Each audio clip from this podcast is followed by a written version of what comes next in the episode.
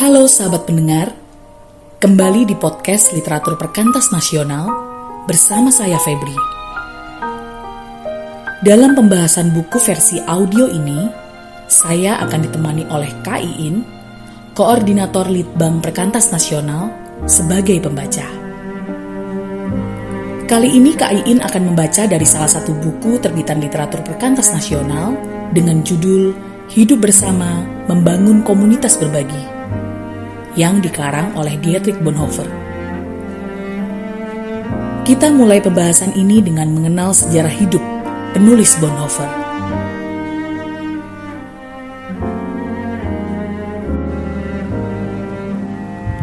Mengenal Dietrich Bonhoeffer, penulis Hidup Bersama. Pada fajar kelabu April 1945, dalam sebuah kamp konsentrasi di Flossenburg, sesaat sebelum kamp tersebut dibebaskan pasukan sekutu, Dietrich Bonhoeffer dieksekusi melalui perintah khusus Heinrich Himmler. Pada Senin Paskah 1953, para pendeta Bavaria menyingkapkan sebuah prasasti dalam gereja di Flossenburg dengan ukiran sederhana. Dietrich Bonhoeffer, seorang saksi Yesus Kristus di antara saudara-saudaranya, lahir 4 Februari 1906 di Breslau, meninggal 9 April 1945 di Flossenburg. Bagi orang Kristen di Jerman, Eropa, Inggris, dan Amerika, kematian Bonhoeffer telah menjadi penegasan masa kini dari diktum Tertullianus. Darah para martir adalah benih gereja. Kehidupan dan kematiannya, serta tulisan-tulisannya masih menjadi saksi hidup dalam gereja ekumenis yang dia layani. Bonhoeffer, tujuh bersaudara, lahir dalam sebuah keluarga di Breslau, Jerman. Namun dibesarkan di Berlin, di mana ayahnya seorang dokter ternama. Menjabat sebagai pengampu psikiatri pertama di Jerman.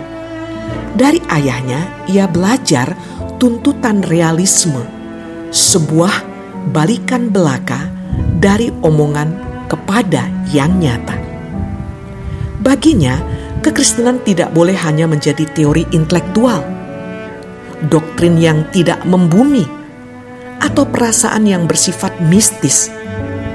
Namun, harus selalu menjadi tindakan yang bertanggung jawab dan taat. Pemuritan yang mengikuti Kristus dalam tiap situasi dari hidup keseharian konkret, baik bersifat pribadi maupun umum. Dan hal inilah yang akhirnya membawanya ke penjara dan kematian. Enam tahun sebelum penahanannya oleh Gestapo, ia menulis, saat Kristus memanggil seseorang, ia memanggilnya untuk datang dan mati. Pada umur 16 tahun, Bonhoeffer yakin ia ingin belajar teologi. Setelah setahun di Tubingen, ia lulus ujian masuk di Berlin pada 1924 dan menghabiskan sisa tahun-tahun kemahasiswaannya di sana. Pada usia 21 tahun, ia mengajukan disertasinya, sebuah studi dogmatis tentang persekutuan orang kudus. Dan dalam disertasi pelantikannya kemudian, tindakan dan keberadaan. Ia menjelaskan posisi dan pentingnya teologi dialektis. Pada tahun 1928, ia menjadi vikaris di Barcelona. Dan pada tahun 1929, ia kembali ke Berlin. Setelah diterima di Fakultas Teologi pada tahun 1930, ia dikirim ke Union Theological Seminary di New York selama setahun. Saat kepulangannya ke Berlin, ia memulai kuliahnya dalam teologi sistematis dan segera menarik sekelompok mahasiswa. Buku pertamanya penciptaan dan kejatuhan dihasilkan dari kuliah-kuliahnya merupakan sebuah eksposisi teologis atas ketiga pasal pertama kitab kejadian. Di samping itu, ia melayani sebagai pendeta bagi para mahasiswa sekolah teknik di Charlottenburg. di mana ibadah-ibadah yang ia pimpin dipenuhi banyak orang. Kemudian datanglah tahun 1933 yang amat menentukan itu. Pada Februari, Bonhoeffer memberikan sebuah pidato yang disiarkan melalui radio Berlin yang isinya mengkritik pedas masyarakat Jerman karena hasrat besar mereka atas seorang pemimpin yang pasti akan menjadi penyesat selama ia tidak dengan jelas menolak menjadi pujaan mereka yang dipimpinnya. Siaran tersebut diputus sebelum ia menyelesaikannya. Saat menjadi jelas bahwa Hitler, sang pujaan, telah berhasil. Bonhoeffer menerima panggilan untuk menjadi pendeta atas dua jemaat Jerman di London karena ia menolak mengambil bagian apa pun dalam kompromi Kristen Jerman dengan pemerintah Nazi. Di Inggris, ia menjalin hubungan akrab dengan Uskup Bell dari Chichester dan menjadi salah satu narasumber terkemuka kepada dunia luar mengenai berbagai kejadian dalam gereja-gereja Jerman.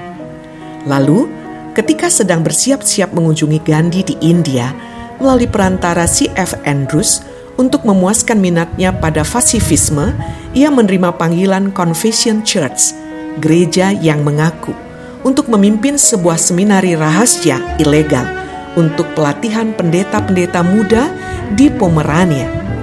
Ia pergi ke sana pada tahun 1935 ia pindah ke Chins dan dari sana ke Finkenwald dekat Stettin, tempat ia hidup bersama dengan 25 vikaris dalam rumah-rumah yang dibangun secara darurat. Inilah hidup bersama hidup komunitas Kristen yang digambarkan dan direkam dengan pemahaman Alkitabiah dalam buku Gemeinschaftsleben Leben 1938 yang di sini dihadirkan terjemahannya. Pada 5 April, Bonhoeffer ditangkap dan ditahan di Tegel, sebuah penjara militer, di mana ia tinggal hingga 8 Oktober 1944. Selama itu para penjaganya bersikap ramah terhadap pendeta yang kuat ini dan secara rahasia membawanya ke sel-sel para tahanan yang putus asa untuk melayani mereka. Mereka menyimpan tulisan, esai, dan puisi-puisinya dan bahkan melakukan pelayanan kurir lengkap kepada keluarga dan teman-teman di luar penjara. Lalu, setelah kegagalan Putsch pada 20 Juli Bonhoeffer dipindahkan dari satu penjara ke penjara lainnya. Penjara-penjara Gestapo di Berlin, Buchenwald, Schonberg, dan akhirnya Flossenburg, dan semua hubungan dengan dunia luar terputus. Minggu-minggu terakhirnya dihabiskan dengan laki-laki dan perempuan dari banyak bangsa. Rusia, Inggris, Prancis, Italia, dan Jerman Salah satunya seorang perwira Inggris menulis, "Bagi saya, Bonhoeffer selalu tampak menebarkan suasana bahagia dan sukacita atas hal-hal kecil dan rasa syukur mendalam atas kenyataan bahwa ia masih hidup. Ia salah satu dari segelintir orang yang pernah saya temui, bahwa baginya Allah nyata dan selalu dekat. Pada Minggu 8 April 1945, Pendeta Bonhoeffer memimpin sebuah ibadah kecil dan berbicara kepada kami dengan cara yang menembus hati kami semua. Ia menemukan kata-kata yang tepat untuk menyatakan makna dari penahanan kita, pemikiran dan keputusan yang dibawanya bagi kita. Ia baru saja mengakhiri doa terakhirnya saat pintu dibuka dan dua orang sipil masuk. Mereka berkata, "Tahanan Bonhoeffer, ikut kami." Hal itu hanya punya satu arti bagi semua tahanan. Tiang gantungan. Kami mengucapkan selamat tinggal kepadanya. Ia membawa saya ke samping. Inilah akhirnya. Tetapi bagi saya ini merupakan permulaan hidup. Hari berikutnya ia digantung di Flossenburg. Teks yang dibawakannya pada hari terakhir itu adalah oleh bilur-bilurnya kita menjadi sembuh. Demikianlah kehidupan dan kematian Dietrich Bonhoeffer, seorang guru gereja, seorang penulis dengan pemahaman teologis dan alkitabiah yang mendalam, namun dekat dengan kehidupan kini dan peka terhadap kenyataan. Seorang saksi yang melihat jalan kemuritan dan menjalaninya hingga akhir. Tiada orang yang tak bangga memperkenalkannya.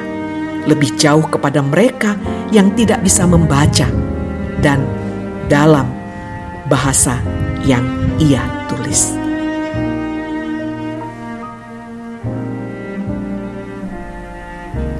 Nah, sahabat, kita sudah mendengar kisah hidup penulis Dietrich Bonhoeffer. Pesan dan dapatkan buku hidup bersama melalui WhatsApp Literatur Perkantas Nasional. Terima kasih. God bless you.